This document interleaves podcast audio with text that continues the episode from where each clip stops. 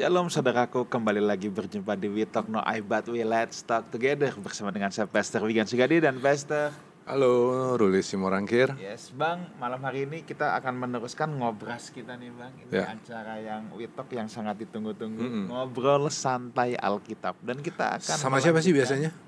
Ibu Rita Wahyu. Halo Bu, Apa kabar? thank you so much datang jauh-jauh dari Ya, Bu, Surabaya thank untuk nemenin you. kita ngobrol. Hari ini tanggal Hari ini tanggal tanggal berapa hari ini? 16 Maret Maret. 2023. Yes. Hmm. Happy wedding anniversary untuk Pastor Ruli dan Ibu Rici Simorangkir. Thank you, thank you. Wedding anniversary. Waduh. Thank you, thank you. Datang ke tempat ini di Iya, saat wow. he- ini wedding Anniversary, anniversary-nya. Siap. Oke. Dan pada malam hari ini kita sedang meneruskan ya eh, pembicaraan kita ngobras Hmm. dan kali ini tentang satu tawarik ya. Satu tawarik. Ya. Nah, sebelum kita memulai pembicaraan ini, saudara kalau saudara mau bertanya tentang kitab satu tawarik, ya, saudara bisa memberikan pertanyaan di nomor yang ada di layar kaca saudara ya. Di situ ada nomor WA, saudara bisa bertanya di nomor yang ada di layar kaca saudara. Nah, saudaraku, eh, saya juga ingin menyapa terlebih dahulu untuk teman-teman semua, buat Bapak Ibu Saudara sekalian yang menyaksikan ini baik saat ini secara live di Lifehouse Community YouTube channel ataupun dari MNC Live Channel. Saya ucapkan selamat bergabung, selamat belajar dan saya pun selalu banyak belajar dari narasumber yang hadir di tempat ini. Oke, Bang, mungkin saya langsung tanyakan ya, Ya. ke Ibu Rita Wahyu. Saudaraku mungkin tidak sedikit orang Kristen ya yang saya jumpai yang kerap kali bertanya sama saya salah satu kitab yang katanya paling berat banget buat dibaca itu adalah satu tawarik. Karena isinya silsilah, jadwal piket. Nah, ntar saudara bilang jadwal piket siapa ya? Pokoknya jadwal piket. Kalau saudara baca tuh jadwal piketnya imam, penyanyi, segala macam semua dicatat ya. Kitab ini tanpa tedeng aleng-aleng begitu mulai silsilah. Ini anaknya ini, ini anaknya ini. Entah kalau di belakang jadwal piket. Jadi banyak orang yang bilang, Pastor nih ngapain sih saya baca kitab tawarik? Saya bisa nguap-nguap ngantuk-ngantuk. Nah, Relevansinya Yes, apa? gitu ya? relevansinya apa sih buat kita dan hal-hal menarik apa saja yang kita bisa temukan di kitab satu tawarik ini. Nah mungkin tanpa panjang lebar, saya mau bertanya dulu nih sama Ibu Rita, mungkin bisa kasih selayang pandang dulu tentang kitab tawarik itu, siapa yang nulis, kenapa ditulis, dan lain sebagainya. Silakan Ibu Rita. Kalau kita sering membaca literatur-literatur Yahudi, mereka sering dalam buku-buku mereka itu dengan satu gambar pohon. Kemudian ada akarnya. Mm-mm. Jadi pohon itu tidak akan menjadi pohon kalau tidak ada akarnya. Jadi mula dari mana sih pemahaman ini? Ini adalah mulanya dari ketika Tuhan Tuhan itu menciptakan langit dan bumi dan kemudian dirangkum dalam Kejadian 2 ayat 4. Di situ berbicara mengenai riwayat. Jadi Alkitab itu tentang riwayat, riwayat sejak pada mulanya. Nah, ini mulai dari Kejadian 2 ayat 4 bicara tentang riwayat. Setelah itu riwayat terus. Nah, yang paling harfiah tentang riwayat itu adalah di kitab satu tawarik ini, Pastor Wigan. Tapi kita boleh baca Kejadian 2 ayat 4 dulu. Kenapa kok harus dimulai dengan riwayat? Kejadian 2 Kejadian 2 ayat yang keempat. Demikianlah riwayat langit dan bumi pada waktu diciptakan ketika Tuhan Allah menjadikan bumi dan langit. Ya. Hmm. Nah, kata ri- riwayat dalam ayat ini Kejadian 2 ayat 4 itu toledot. Kata toledot itu berasal dari kata yalat. Nah, kata yalat itu artinya silsilah atau memperanakkan. Jadi dalam Alkitab ini soal silsilah itu bukan soal siapa memperanakkan siapa, tetapi kejadian langit dan bumi ini itu sudah dianggap sebagai suatu riwayat. Nah, setelah itu kalau kita membaca kitab satu tawarik ini, ini pun juga bicara tentang riwayat. Mulanya dari mana riwayat itu? Dimulainya dari Kejadian 5 ayat 1. Pastor Ribegan. Kejadian 5 ayat yang pertama. Inilah daftar keturunan Adam. Pada waktu manusia itu diciptakan oleh Allah, dibuatnyalah dia menurut rupa Allah. Ya. Nah, kejadian 2 ayat 4 tadi menuliskan kata dalam bahasa Indonesia riwayat. Kemudian di kejadian 5 ayat 1 itu menuliskan kata keturunan. Nah, Ya. kata riwayat dan keturunan dalam bahasa Ibraninya itu menggunakan kata yang sama, yaitu toledot. Jadi di sinilah memang dari tatanan sejak mulanya Alkitab itu menekankan suatu kronologi kejadian. Maka setelah itu, setelah kita mempelajari di Witok ini ada kitab Hakim-Hakim, kemudian kitab 1 dan 2 Samuel, kemudian kitab 1 dan 2 Raja-Raja masuk ke kitab 1 dan 2 Tawarik sampai nanti Ezra, Nehemia itu semua bicara tentang sejarah. Dan inilah memang kebanggaannya orang Israel bahwa mereka adalah bangsa yang bisa mengurut sejak manusia pertama dan dituliskan sebu- di sebuah kitab suci. Tidak ada kitab suci mana pun bicara mengenai runutan dari silsilah sebuah bangsa yang dimulai sejak manusia pertama. Nah ini Pastor Ruli, kayak orang Batak ya. Ya, ya apa namanya Marta Rombo ngomongin silsilahnya ya. Orang Chinese juga seperti itu. Seperti itu ya. Iya. Kalau Oke. yang masih toto gitu, ya begitu. Ada ada buku silsilah. Orang Batak ketemu orang Batak yang ngomonginnya mengenai kamu dari keturunan siapa dan lain-lain. Tadi pagi saya ketemu sama satu orang, langsung ditanya, si Morangkir yang mana, keturunan yang mana? Be. Selalu. Dan Iya. memang itulah kebanggaan dari sebuah bangsa atau suku Iya. ketika dia dapat mengetahui dari mana asal dirinya. Hmm. Maka di sini kita juga bisa memandang bahwa di sini adalah kebanggaan dari orang-orang Israel bahwa memang mereka adalah bangsa pilihan yang di mana mereka pun dapat mengurut Hmm. mengurut dari mana mereka berasal. Nah ini Hmm. ya pijakannya itu dari mana kebanggaan mereka itu. Ulangan 7 ayat 6 Pastor Bian. Ulangan 7 ayat yang ke-6. Sebab engkaulah umat yang kudus bagi Tuhan Allahmu, engkaulah yang dipilih oleh Tuhan Allahmu dari segala bangsa di atas muka bumi untuk menjadi umat kesayangannya. Ya. Jadi kan ini menarik betul-betul. Bahwa mereka adalah umat kesayangan dari bahasa Ibraninya adalah amsegula.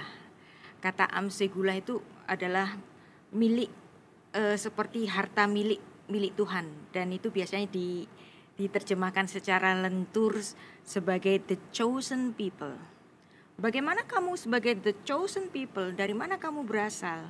Nah, dari situ orang Israel dapat menunjukkan dirinya bahwa bangsanya ini bisa diurut dari sejak manusia pertama. Nah, ini kita bisa baca dalam Tawarik satu Tawarik pasal 1 ya. Adam, Set, Enos, Kenan, Mahaleel, Yared.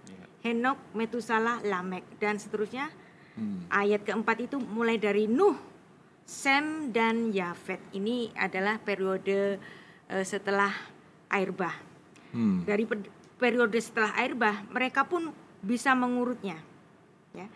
Anda lihat di sini, Adam, Set, Enos tidak menyebutkan Kain. Artinya Kain di sini habis di bencana air bah itu. Jadi Nuh ini adalah keturunan dari Set. Jadi ini bisa dirunut dan yang menarik sampai ke bawah itu ayat 28. Oke. Anak-anak Abraham ialah Ishak dan Ismail. Nah, masalahnya, masalahnya, bukankah Abraham itu juga memiliki putra-putra yang lain? Misalnya Hmm. ada Midian. Kenapa Midian nggak disebut di sini? Kenapa hanya dua? Ishak dan Ismail. Nah, jadi di sini orang Israel itu selain melihat silsilah dari bapak, mereka melihat dari sisi ibu, matrilinear. Jadi bukan hanya patrilinear. Hmm. kenapa di ayat 28 ini dikatakan sebagai anak-anak Abraham ialah Ishak dan Ismail. Padahal Ismail kan anaknya Hagar.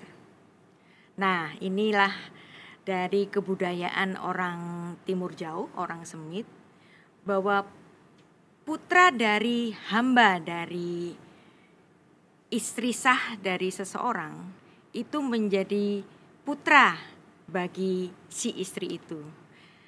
Kenapa di sini dituliskan anak-anak Abraham ialah Ishak dan Ismail? Karena Ismail di sini dilahirkan atas kemauan dari Sarah. Hmm. Jadi ini menulis bahwa Abraham dan Ismail adalah putra-putra dari istrinya Sarah.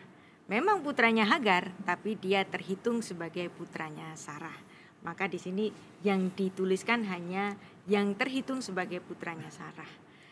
Jadi dalam dalam kebiasaan orang Israel pada setiap hari Paskah, mereka selalu mengurut dari mana asal mereka ber, eh, dari mana asal mereka ya. Mereka ada yang namanya suatu fi, puisi, puisinya itu Echad Miyodea.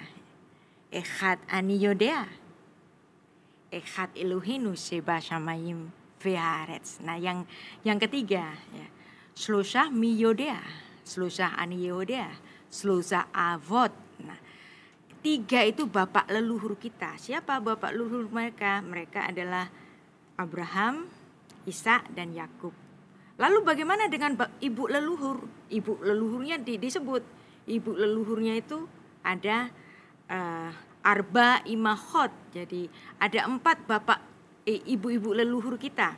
Yaitu yang pertama itu adalah Sarah, yang kedua adalah Ribka, yang ketiga itu Lea, yang keempat adalah Rahel. Jadi ada empat ibu-ibu leluhur bagi Israel. Karena dari Rahel dan dan Lea ini nanti lahir 12 suku-suku Israel. Nah, dari sini kenapa anak-anak Abraham itu ditulis dua karena ini terhitung bagi anak-anaknya Sarah. Jadi ini memang teknis banget dan seperti orang Batak tadi yang bisa mengurut silsilahnya itu adalah kebanggaannya bahwa mereka adalah bangsa pilihan Pasar Ruli. Iya. Mungkin ada tambahan lagi. Tapi Uniknya kalau- orang Chinese iya. dan orang Batak. Kalau kita lihat Matius 1 juga diawali dengan silsilah. Iya. Justru itu. Eh, ketika kita belajar tentang Alkitab, kita tidak hanya bicara tentang eh, apa yang boleh, apa yang nggak boleh, standar moralitas bukan cuman itu, kita juga belajar tentang sejarah, terutama sejarah penebusan. Bahwa penebusan itu mulanya itu sudah disuarakan kepada Adam, kejadian 3 ayat 15, yang di mana Adam kemudian punya anak, Kain dan Habel, Habel yang orang benar orang salah ini dibunuh oleh Kain. Lalu kemudian ada substitusi bagi si Habel ini yaitu Set. Set itu artinya itu substitusi pengganti, pengganti bagi siapa? Bagi Habel. Nah, dari situ datanglah eh runutan dari silsilah ini dan maka silsilah itu menjadi penting. Pastor Wigan. Hmm. Oke. Hmm. Bang, ada yang mau ditanyakan dulu Bang tentang satu tawarik nih Bang. Ya, jadi kan kalau begitu yang begini loh. Kenapa perlu silsilah berarti? Silsilah itu diperlukan karena kita jadi akhirnya pada zaman ini jadi ngerti tentang rencana keselamatan bahwa itu bukan sesuatu yang tiba-tiba Tiba-tiba gitu. Nggak ada, bukan tiba-tiba, tapi sesuatu yang memang direncanakan lewat keturunan-keturunan orang-orang ini. Ya mungkin pada hari ini kemampuan kita untuk bisa ngitung, bisa nginget semua ini juga nggak nggak nyampe gitu ya. Tapi at least kita bisa punya referral lah. Iya. Kita punya referral ini loh Ya. gitu. Tapi tawari juga tentunya pasti bu isinya bukan cuma tentang Iya. Silsilah saja. silsilah dong. Tapi Tapi ada ada juga yang kematian menarik. Saul. Ya, Hah. Misalnya ada kematian Saul Iya. di kitab ini. ya itu termasuk kronologi kan. Iya. Tawarik itu, itu kan sebuah kronologi. Ada Jadi kitab etika-etika. Tawarik itu adalah satu kitab yang diambil dari bahasa Arab ya, tarik itu mengenai tahun-tahun kan. Hmm. Itu sesuai dengan dalam bahasa Ibrania yaitu Divrei Hayamim. Divrei itu artinya perkara-perkara, Hayamim. Jadi kitab ini mencatat perkara-perkara di zaman-zaman. Perkaranya mulai kapan? Sejak Adam. Nah, tadi Pastor Wigan bertanya, apa hubungannya dengan Matius pasal 1 dan Lukas pasal 3? Kenapa hmm. Injil itu harus dimulai dari silsilah. Karena memang inilah tatanannya. Seperti orang Israel dapat mengurut dia itu berasal dari mana, maka Sang Mesias yang dijanjikan harus bisa diurut hmm. dari mana dia berasal. Nah, kitab Matius itu mengurut silsilah Yesus Kristus dari dari silsilah bapaknya yaitu yaitu Yusuf ya. Yusuf itu dapat dapat di dirunut silsilahnya sampai nanti ke Salomo. Salomo putra Daud yang di mana Daud ini adalah keturunan dari Abraham. Makanya dari Matius pasal 1 itu kan Eleh Toledot Yeshua Hamasya ben David ben Abraham. Inilah silsilah Yesus Kristus, anak Daud, anak Abraham. Jadi sejak Abraham dan di situ adalah suatu garis uh, garis mesianik yang di mana dari Abraham sampai ke Daud. Dan di Lukas itu bukan hanya sampai ke Abraham. Hmm. Lukas itu mengurut silsilah Yesus sampai ke Adam. Nah, ya. kalau sampai ke Adam, ini hubungannya dengan apa? Hubungannya dengan tawarik. Di sini para penulis Injil para rasul Kristus itu sedang menunjukkan bahwa inilah Mesias yang dijanjikan yang silsilahnya itu bisa diurut seperti bagaimana para para nabi di zaman dahulu bisa mengurut asal muasal dari dari keberadaan bangsa Israel ini.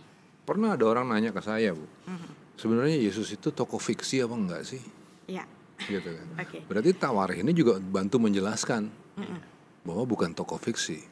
Yang ada runutan sejarah. Ada runutan sejarahnya. Bu, Dan, nah, uh, okay. mungkin sebelumnya saya mau kembali ke pertanyaan awal. Okay. Siapa sih yang menulis kitab Tawari ini? Apakah sama dengan penulis kitab Raja-Raja? Kan okay. ka, kan karena isi kitab Tawari ini banyak yang terdapat juga di Samuel maupun di kitab raja-raja. Ya. Lalu kalau penulisnya beda, lalu kenapa ini mesti ditulis ulang gitu? Kenapa nah, ditulis ulang? Lebih ke ya. latar belakangnya dulu nih, Bu. Baik. Jadi kalau kitab satu dan dua Samuel, ya. satu dan dua raja-raja itu banyak bercerita tentang kisah. Ya. Oke. Okay. Seperti juga di kitab satu Tawarik ini itu bis, bi, bercerita tentang kronologi. Bedanya dengan dua Samuel apa? Di kitab satu Tawarik ini, kejatuhan dari Daud yang berbuat dosa nggak ditulis di sini. Karena memang fokus dari kitab Tawarik itu adalah kronologinya. Sedangkan kitab yang ditulis dalam dua Samuel dan satu Raja-Raja itu kisahnya. Okay. Jadi ini bukan bertentangan tetapi saling melengkapi, Pastor Wigan. Hmm, Oke. Okay. Nah, tentang siapa penulisnya. Iya. Nah, jadi yang menulis kitab 1 Samuel, 2 Samuel, saya yakin awal dari kitab 1 Samuel itu ditulis oleh Samuel. Samuel adalah orang yang sama yang menulis bagian akhir dari kitab Hakim-Hakim.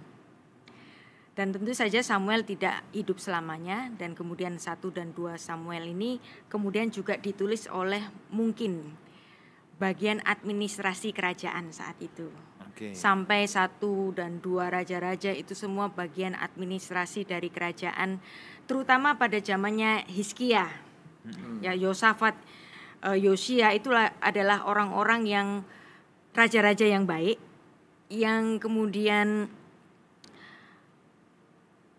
menyuruh dari orang-orang di kerajaannya itu untuk menyalin ulang menyalin ulang dari kitab-kitab Torah itu dan ini memang keharusan bagi setiap imam-imam di Israel itu untuk menyalin bagi dirinya kitab-kitab Torah itu. Dan makanya nanti kisah-kisah yang ditulis oleh administrasi negara ini kan disimpan mungkin di dalam suatu perpustakaan tertentu. Nah, setelah itu mereka dibuang di Babel kan? Hmm. Nah, setelah mereka dibuang ke, Ba- ke Babel, tentu saja kitab ini bisa berserakan. Hmm. Nah, pada sekitar abad kelima itu ada tokoh yang muncul dan sangat fenomenal sekali. Dia adalah Esra Ya. dan dia adalah golongan imam. Dan dari Esra ini kemung- kemungkinan kitab-kitab lama itu dikumpulkan kembali dan penulisan kronologi dari satu dan dua tawarik ini kemungkinan ditulis kemungkinan besar ditulis oleh Esra dan juga mungkin para muridnya karena dia adalah seorang sofrim, seorang ahli Taurat, seorang penyalin, maka tentu saja dia tidak mengerjakannya sendiri. Demikian. Nah, ini nanti bisa dikonfirmasi dari apa yang ditulis dalam kitab Deuterokanonika. Ya. Makanya kita jadi orang Kristen apa pun yang namanya kitab-kitab kuno itu adalah pusaka bagi kita. Walaupun sebagian besar orang-orang non-Katolik itu agak mengabaikan kitab Deuterokanonika, tetapi kalau kita mau berbesar hati untuk turut membacanya, ini justru lebih memperlengkapi apa yang ditulis dalam kitab Protokanonika. Yang namanya Deuterokanonika, kanon kedua tetap saja kedua, bukan yang pertama. Tapi bukan berarti ini harus dibuang, tetapi itu memperlengkapi. Seperti yang ditulis dalam 2 Makabe 2 13 ayat 15. Ini memberikan satu satu informasi bagi kita. Bagaimana mungkin pada saat itu orang yang sudah dibuang di Babel kemudian mereka bisa mendapatkan kitab-kitabnya kembali. Nah, ini adalah dari upaya dari orang-orang yang mencintai firman Tuhan dan menyimpannya, kemudian disimpan dalam suatu perpustakaan. Kapan itu orang Israel itu setelah dalam pembuangan itu memiliki perpustakaan kembali? Yaitu ketika mereka kembali ke dari dari pembuangan, ketika Nehemia itu menjadi gubernur dan membangun kota, membangun kembali kota Yerusalem. Di situ dia juga membangun perpustakaan. Nah, di mana itu ditulisnya? Di 2 Makabe 2 ayat 13 sampai 15. Hmm. Ya. Mungkin Pastor Wigan nggak Nggak ada nggak ada. Oke, saya Iya. saya bacakan aja. Iya. Ayat 13. Selain itu diceritakan juga dalam naskah-naskah itu dalam kitab peringatan Nehemia sebagaimana Nehemia telah menyusun sebuah perpustakaan dengan mengumpulkan berbagai buku tentang para raja dan para nabi, tulisan kar- karangan-karangan Daud dan surat-surat para raja mengenai sumbangan-sumbangan bakti dan seterusnya. Nah, di sini artinya kita mendapatkan suatu informasi sejarah bagaimana orang-orang Israel itu kembali mendapatkan literaturnya itu dan dari situ kita juga mengenal satu orang yang namanya Ezra nanti dua bulan ke depan kita akan belajar tentang siapa itu Ezra dan bagaimana kenapa kok kronologi ini penting juga dituliskan yang kita percayai bahwa satu dan dua Tawarik ini ditulis oleh Esra. Kenapa? Karena di bagian akhir dari kitab Tawarik itu hampir mirip sama dengan apa yang ditulis dalam Esra pasal 1. Demikian. Hmm. Oke. Nah, Bu, ini sambilnya, Bu ya. Mm-mm. Oh, sudah ada pertanyaan yang masuk karena ini langsung pas apa saya baca, saya juga memang mau membahas ini nih. Iya. Ya, jadi ini saya dahulukan. Sebenarnya sudah ada beberapa tapi yang satu ini saya dahulukan ya. Dalam pemindahan tabut Allah dari Kiryat Yearim menuju Yerusalem. Nah, ini peristiwa satu Tawarik 13. Mm-mm. Di sana dikatakan Usa memegangnya saat domba yang membawa kereta pengangkat tabut tergelincir. Meski ini tindakan yang baik, tapi Tuhan murka sehingga Usa mati. Mhm. Ada beberapa dalih mengatakan hal tersebut terjadi karena instruksi Tuhan tentang menga- tentang mengangkat tabut dilanggar. Mhm. Bilangan 4 ayat 15. Mm-mm. Ini adalah sebuah hajatan yang sangat besar yang semua pemimpin raja, imam nabi turut serta. pelanggaran atau ketidaktaatan berjemaah telah dilakukan yang ketika usaha. Bukankah seha- bukankah seharusnya ketidakperkenanan Tuhan untuk seluruh Israel tentang usaha meski sepertinya bukan kesengajaan, niat baik dan inisiatifnya tidak elok di mata Tuhan. Mm-mm. Pesan apa sih yang Tuhan ingin sampaikan di nats tersebut? Ya. L- Ya.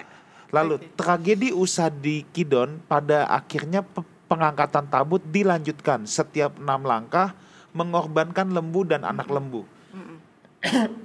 Di mana Kiryat Yearim ke Yerusalem kira-kira 15 kilo. Wah ini setiap enam langkah dikorbankan anak lembu.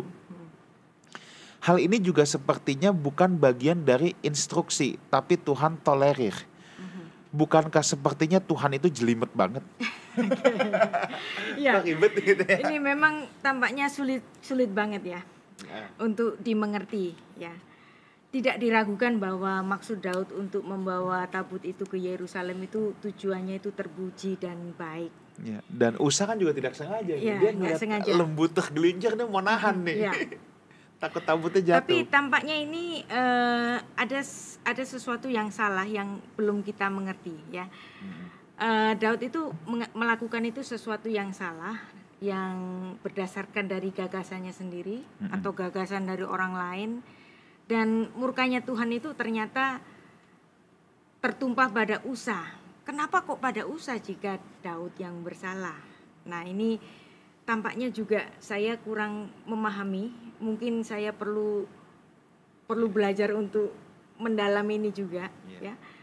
Eh, tentang bilangan 4 ayat 15 ini tentang hal yang kudus kalau kalau dipegang sembarangan itu nanti bisa bisa membuat celaka. Tapi eh, di sini ini Usa itu dianggap bukan orang kehat atau seorang Lewi.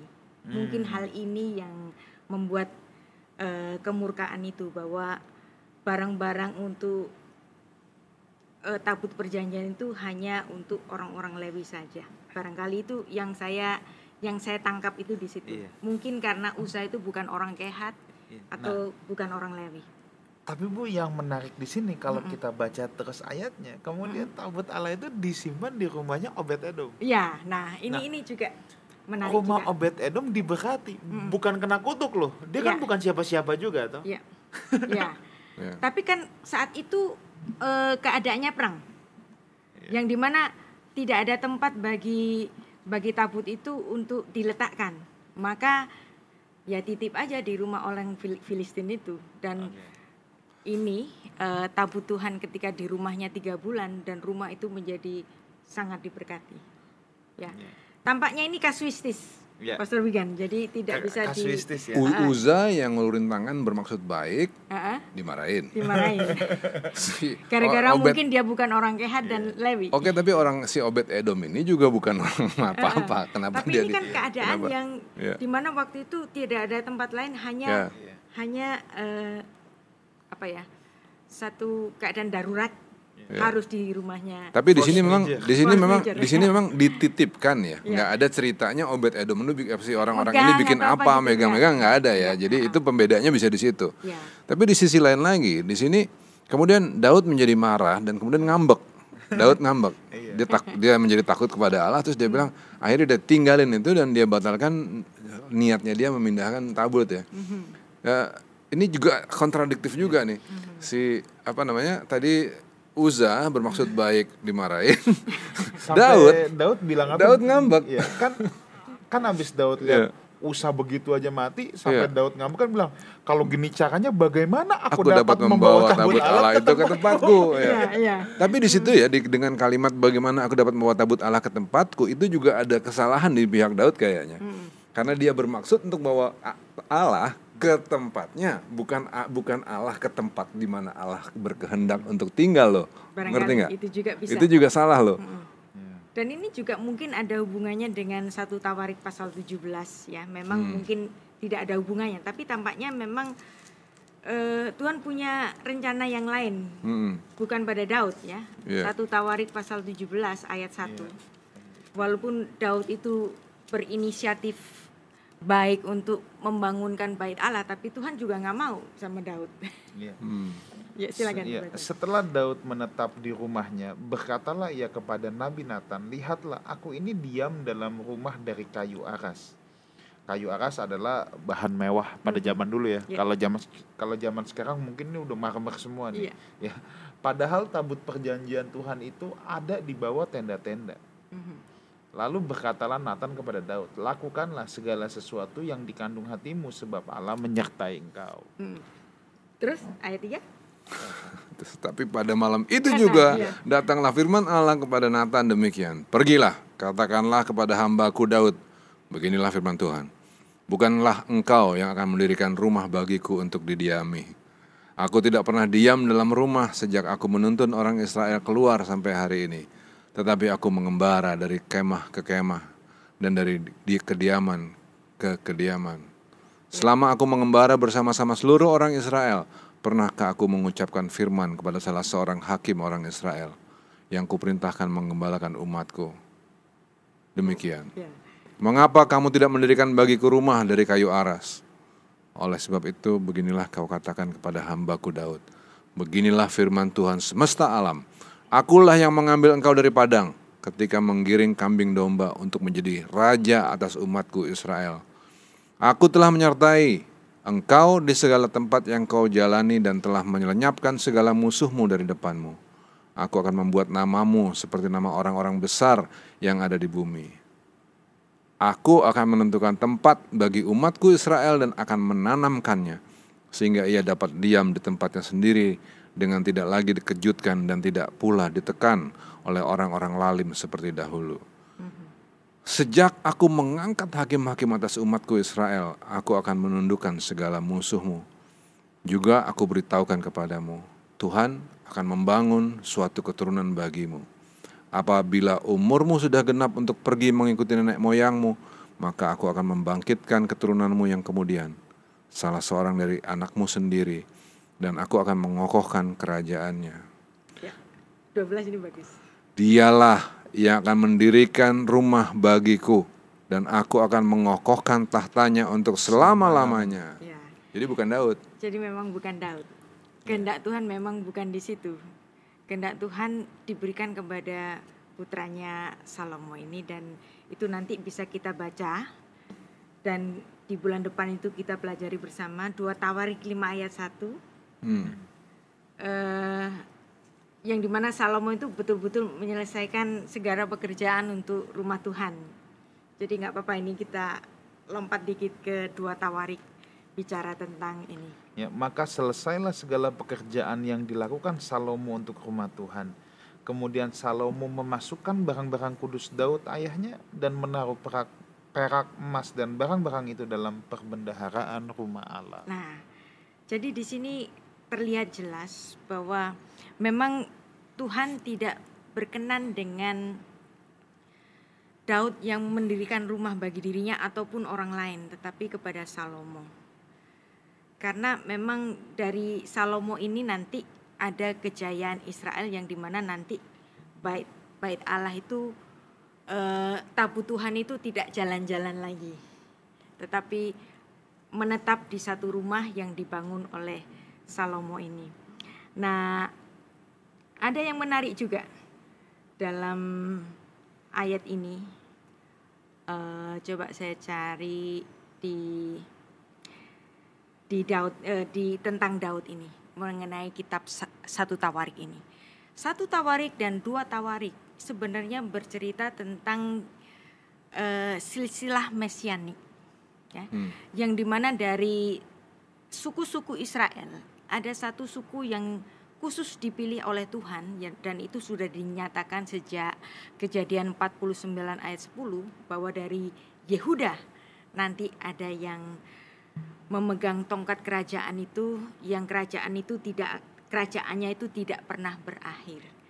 Dan ketika kemunculan Daud Tuhan mengulangi lagi janji itu bahwa dari Daud lah yang di mana kerajaan Daud ini tidak akan pernah berakhir. Itu bisa kita baca dalam 2 Samuel 7 ayat 16. Ya, perhatikan kita ketika kita belajar tentang satu tawarik, dua tawarik itu selalu nyangkut ke mana-mana bisa Oke. nyangkut ke satu dan dua raja-raja bisa ny- nyangkut juga ke satu dan dua Oke, Samuel 2 Samuel 7 ayat 16 Ya. keluarga dan kerajaanmu akan kokoh untuk selama-lamanya di hadapanku tahtamu akan kokoh untuk selama-lamanya Nah, di sini dikatakan bahwa tahtanya Daud ini akan kokoh selama-lamanya, yang di mana dinasti Daud tidak akan pernah habis.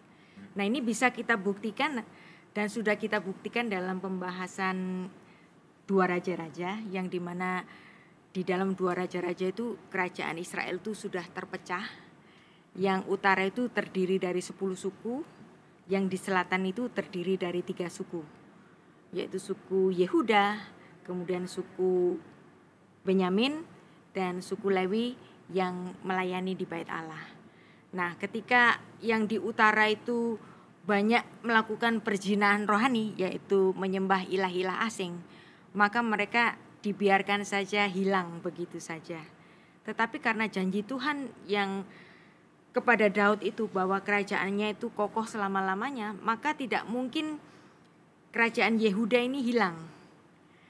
Se sejelek-jeleknya orang di Yehuda, sejahat-jahatnya orang di Yehuda dan mereka meninggalkan Allah, Tuhan hanya membuangnya saja sampai ke Babel. Nah, itu nanti kita akan pelajari di dua Tawarik. Dan di sini untuk menunjukkan janji Allah kepada Daud itu bahwa memang dari kerajaan Yehuda yang berasal dari kata eh, yang kemudian nanti melahirkan kata Yahudi itu memang berasal dari dinastinya Daud ini. Hmm. Pastor Ruli. oke baik oke mungkin saya akan bacakan next question ya Saudara kalau masih ada yang mau bertanya, saudara bisa langsung WhatsApp ke nomor yang ada di layar kaca Bapak Ibu Saudara sekalian. No name, apa yang dimaksud jangan mengusik orang yang diurapi Tuhan pada konteks hari ini? Oh. Nah, ini ya yang namanya jangan mengusik itu tentu saja mengusik tanpa alasan. Kalau dia punya alasan, apa yang dilakukan oleh Nathan kepada Daud itu musik banget loh. Tapi itu perlu dilakukan. Jadi jangan mengusik orang yang diurapi Allah. Daud jelas diurapi Allah. Tapi apa yang dilakukan Nabi Nathan ketika Daud itu berbuat kesalahan, itu sangat mengusik Daud. Apakah Nathan dipersalahkan karena dia mengusik Daud? Jadi tentu saja ini punya konteks. Gak bisa ayat ini diterapkan kepada semua hamba Tuhan kalau bersalah ya udah kita diem-diem aja, bukan begitu. Iya. Pastor Ruli mungkin ada tambahan. Mengusik Tapi dalam kasus Daud dan Nabi Nathan, Bu, itu kan Nabi Nathan yang menegur Raja Daud. Mhm. Tapi Gimana? Daud juga punya karunia kenabian. Hmm. Jadi sama-sama nabi. Hmm. Jadi di di hadapan Tuhan mau nabi mau apa kalau salah juga mendapat teguran. Oke. Bahkan saat itu dia orang yang paling berkuasa, yang pasti Nathan ini jauh di bawah di bawahnya posisinya, tapi dengan keberaniannya dia tetap mengusik Daud yang diurapi Allah. Oke. Nah sekarang kalau ditarik ke zaman sekarang, ini kan ini kan yang dimaksud tadi kan pertanyaan untuk zaman tahun ini kan, zaman sekarang kan. Iya. Relevansinya dengan Relevansinya dengan masa sekarang kan. Apakah masih ada Bu stratum di dalam pelayanan di mana ada yang disebut dengan hamba Tuhan yang diurapi tentunya dan hamba nggak tahu ham- hamba apa ini yang kurang Ah, diurapi. hamba kelas dua. Ah, hamba kelas 2. Apakah ada strat ada strata seperti itu, Bu? Eh, apa yang dicontohkan oleh Alkitab itu juga ada seratum loh. Hmm. Yang diusik itu raja Oke. Dan dia diurapi. Ya. Dia penulis Mazmur. Dia bisa bernubuat. Hmm.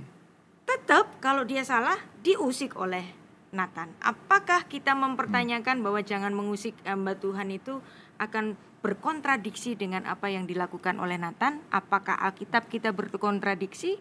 Maka kita yang harus secara arif dan bijaksana membaca setiap ayat harus secara konteks, konteks, konteks dan konteks. Oke. Iya. Nah, sekarang kalau begitu ya Bu, em, yang jadi permasalahan itu juga adalah pengertian tentang hamba Tuhan dan hamba kelas 2. Ya. Ini yang jadi masalah Yang sekarang jadi ya. contoh kan biasanya Ya, eh, Daud tidak mengusik Saul karena dia diurapi. Iya. ya, Tapi kita lupa ya. bahwa Nathan pun pernah mengusik Daud ketika Daud Yes. bersalah. Oke. Ya, oke. Jadi kalau begitu nggak perlu ada kekhawatiran di antara orang percaya untuk menegur sesamanya apabila memang ditemukan kesalahan. Mhm. Tapi ada nggak batasan-batasannya, Bu? Ap- Apa sih batasan-batasan sehingga teguran itu bisa disebut sebagai Sepanjang teguran yang baik? Bukan teguran yang mengada-ada dan bukan fitnah Mm-mm, dan kita dapat mempertanggungjawabnya. mm-mm, Ada bukti mm-mm. dan itu adalah untuk teguran yang baik yang Iya. membangun. Kenapa tidak? Oke. Ya udah, jadi itu itu batasan-batasannya. Nah, sekarang sering kali orang juga negor sekedar negor gitu ya. Ah, negor doang. Negornya negor doang. Mer- negornya Nggak ada buktinya. ada buktinya. Iya. Dengar-dengar kata orang. Deng- mu- deng- negornya juga karena murka misalnya Iya. kan. Ini kan bukan begitu Bukan kan begitu, maksudnya iya, kan. Kalau cuman begitu. murka-murka aja ya itu bukan teguran yang baik. Tapi juga seandainya dia tahu ini hamba Tuhan yang diurapi Tuhan, tapi dia melakukan kesalahan. Tapi kita terikat dengan jangan musik hamba Tuhan yang diurapi. Tapi ada juga loh ayat yang mengatakan dalam Yakobus 4 ayat 17, Pastor Wigan. Yakobus 4 ayat 17. 17.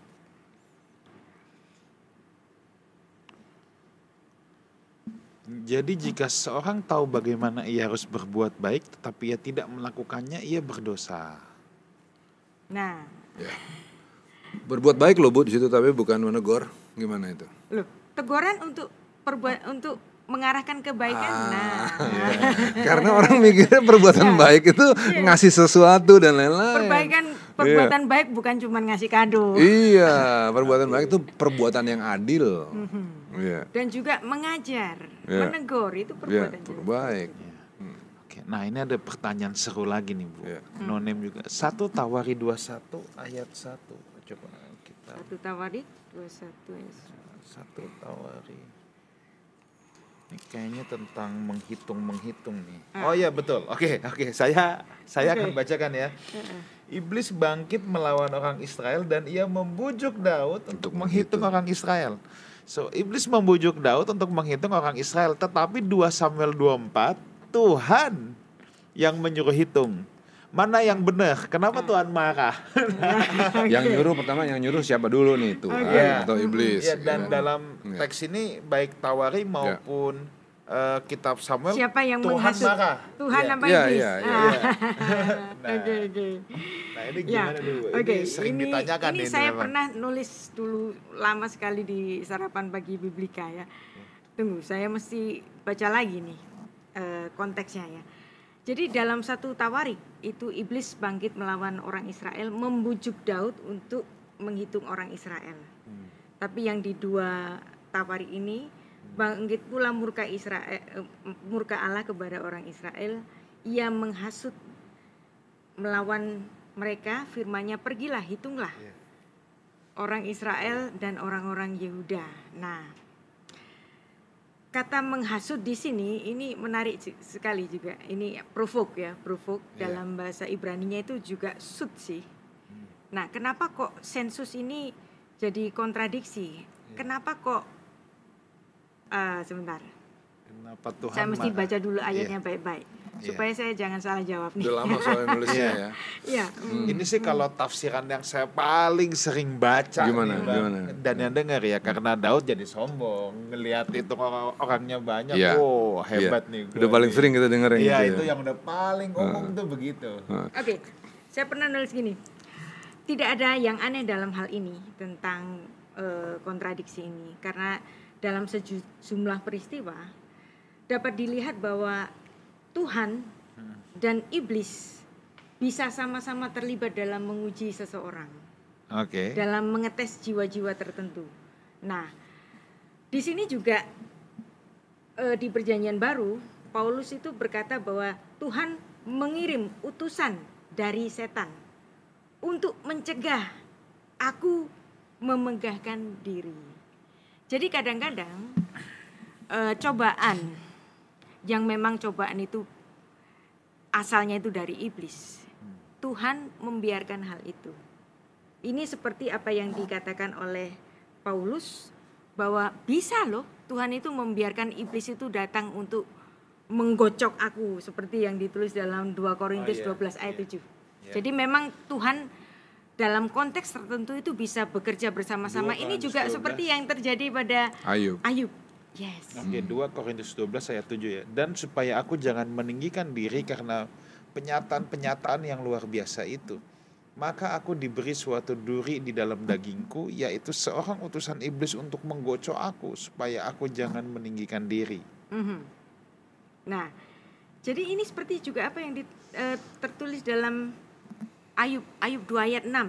Ini menarik sekali. Ayub, Ayub. Ayub 2 ayat 6. Oke, maka firman Tuhan kepada iblis, nah ia dalam kuasamu, hanya sayangkan nyawanya. Nah, kenapa kok sampai ada Tuhan bicara, nah ia ada dalam kuasamu. Ini kan terjadi dalam suatu percakapan dalam sidang ilahi, yang di mana Tuhan itu berkenan sekali kepada satu orang, ini orang baik, yang selalu berbuat baik, menjauhi kejahatan. Terus kemudian Tuhan bicara pada pada sidang ilahi itu.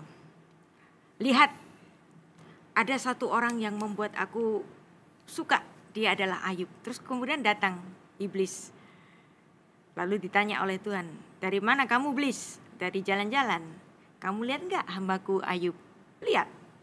Bagaimana tentang dia? Dia saleh kan? Dia paling baik di antara orang-orang lainnya. Terus iblisnya ngomong apa? Iya sih Tuhan, dia saleh. Ya jelas dia saleh. Orang dia kehidupannya baik, anaknya baik, istrinya baik, hartanya banyak. Ya tentu saja dia saleh. Coba kalau kekayaannya diambil, kalau anak-anaknya diambil, mungkin dia jadi nggak saleh lagi. Dia akan mengutikimu. Nah, terus kemudian, oke, dia ada di dalam kuasamu.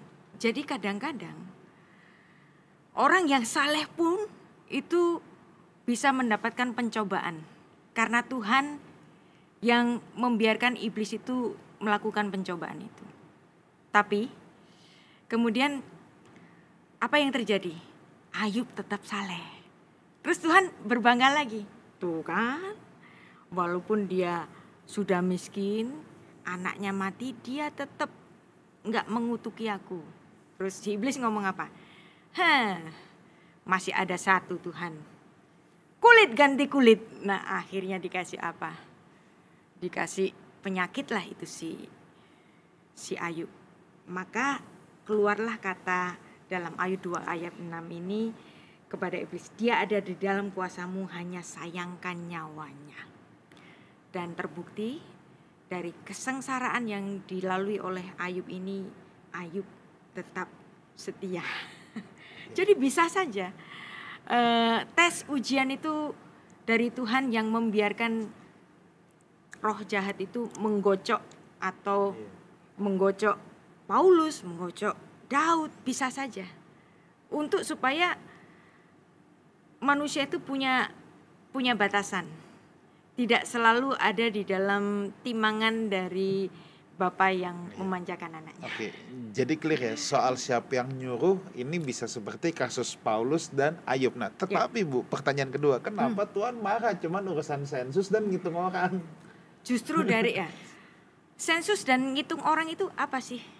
Tujuannya itu untuk apa? Ketika orang sensus seperti juga ketika eh, Kaisar Agustus untuk menyensus. Nunjukin untuk apa? Kekuasaannya. Nah, di dari sensus itu adalah timbul satu kesombongan. Oke. Nah, karena sombongnya Tuhan itu sudah dilihat, eh, sombongnya Daud. Daud. itu sudah dilihat Tuhan, maka Tuhan membiarkan iblis menghasutnya. Oke. Jadi dalam hal ini bisa dua-duanya bekerja sama. Oke, baik. Nah, Bu, kemudian nih, Bu, kalau saya melihatnya, Bu ya. Kan eh, sudah dikatakan ya bahwa tadi kalau yang kita lihat bahwa bukan Daud yang akan mendirikan bait Allah ya, tetapi anaknya. Tapi kalau kita lihat di satu Tawarik 22, Daud tetap melakukan persiapan. Yes. Walaupun dia tahu nanti bukan dia, tapi dia tetap melakukan persiapan-persiapannya. Dan yang pasti bait Allah itu Iya. baru terjadi setelah kematian Daud. Betul. Ya. Iya. Hmm. Tapi dari sini saya bisa melihat bahwa ada dua hal sih. Hmm. Yang pertama dari lubuk hatinya Daud yang paling dalam, dia memang cinta rumah Tuhan. Mhm. Dua, dia mau mempersiapkan sesuatu Mhm. sebagai kalau dengan bahasa saya sebagai warisan generasi untuk yang diwariskan kepada Salomo. Mhm. Walaupun dia tahu yang akan menyelesaikan, yang akan membangun bukan dia, tapi dia tetap mau memberikan sebuah legacy kepada Salomo berkenaan dengan rumah Tuhan. Oke, nah ini ada eh, pertanyaan lagi. Ini dua pertanyaan tapi mirip, sama lah. Saya boleh bilang sama. Malam Pak Wigan, Pak Ruli dan Ibu Rita. Saya mau tanya, kenapa Daud tidak diizinkan untuk mendirikan bait Allah padahal Daud orang yang berkenan di mata Tuhan? Oke. Sebenarnya itu sudah di, dibicarakan kepada Daud sendiri karena tangan dia itu eh, darah. berdarah Iya. dengan pembunuhan Uria itu, sehingga Tuhan tidak berkenan Oke. dengan Daud untuk membangun rumah baginya. Oke. Ya. Itu itu sebuah Ah. konsekuensi. ya? So, konsekuensi, ya konsekuensi. Itu konsekuensi panjang buat Daud ya. Sampai istrinya nggak pernah disebut sebagai istri Daud. ya. Iya. Istri Uria Dan tetap aja. ada satu yang menarik, satu eh, tradisi, tradisi yang berasal dari Daud, yaitu berdoa dengan mengarah ke kiblat. Hmm. Iya. Jadi doa dengan mengarah ke satu arah tertentu, misrah bahasa Ibrani-nya, itu sebenarnya berasal dari Daud. Ini menarik. eh, Mazmur 5 ayat 8. Oh, ini baru mulai terjadi justru di zaman Daud ya, Bu ya. Ya. Jadi doa dengan Oke. mengarah ke Yerusalem itu Iya. terjadi di, di Hmm. zaman Daud. Oke. Yang memang juga dilakukan oleh Daniel kemudian ya, kita lihat. Hmm. Jadi bukan dari Daniel tapi dari Daud. Iya. Tetapi aku berkat kasih setiamu yang besar, aku akan masuk ke dalam rumahmu, sujud menyembah ke arah baitmu yang kudus dengan takut akan engkau. Nah, diulangi lagi di Mazmur 138 ayat 2.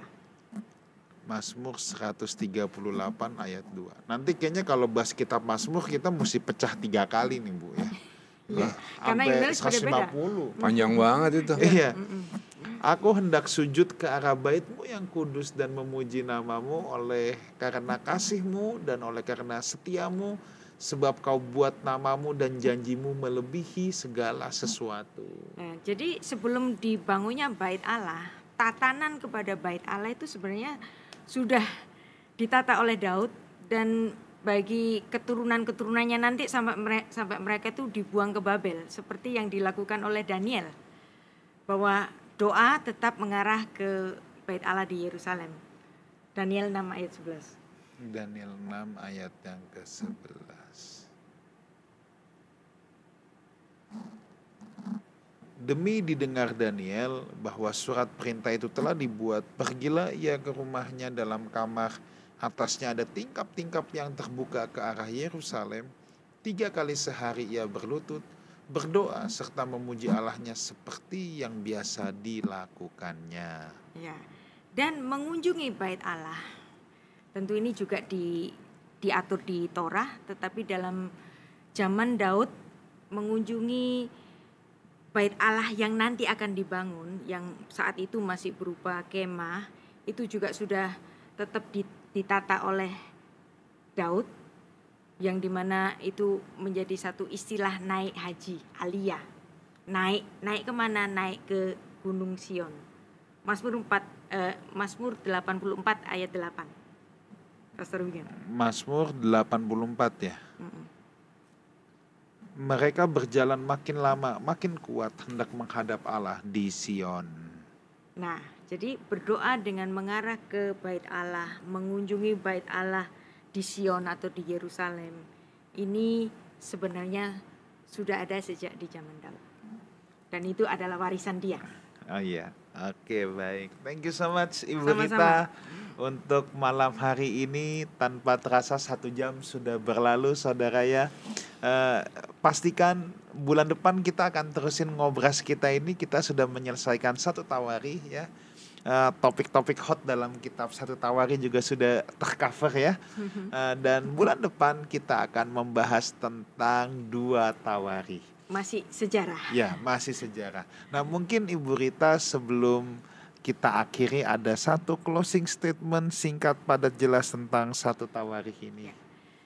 Sekali lagi kita belajar bahwa Alkitab tidak hanya bicara tentang morality, tidak hanya bicara tentang norma, tetapi juga bicara tentang sejarah.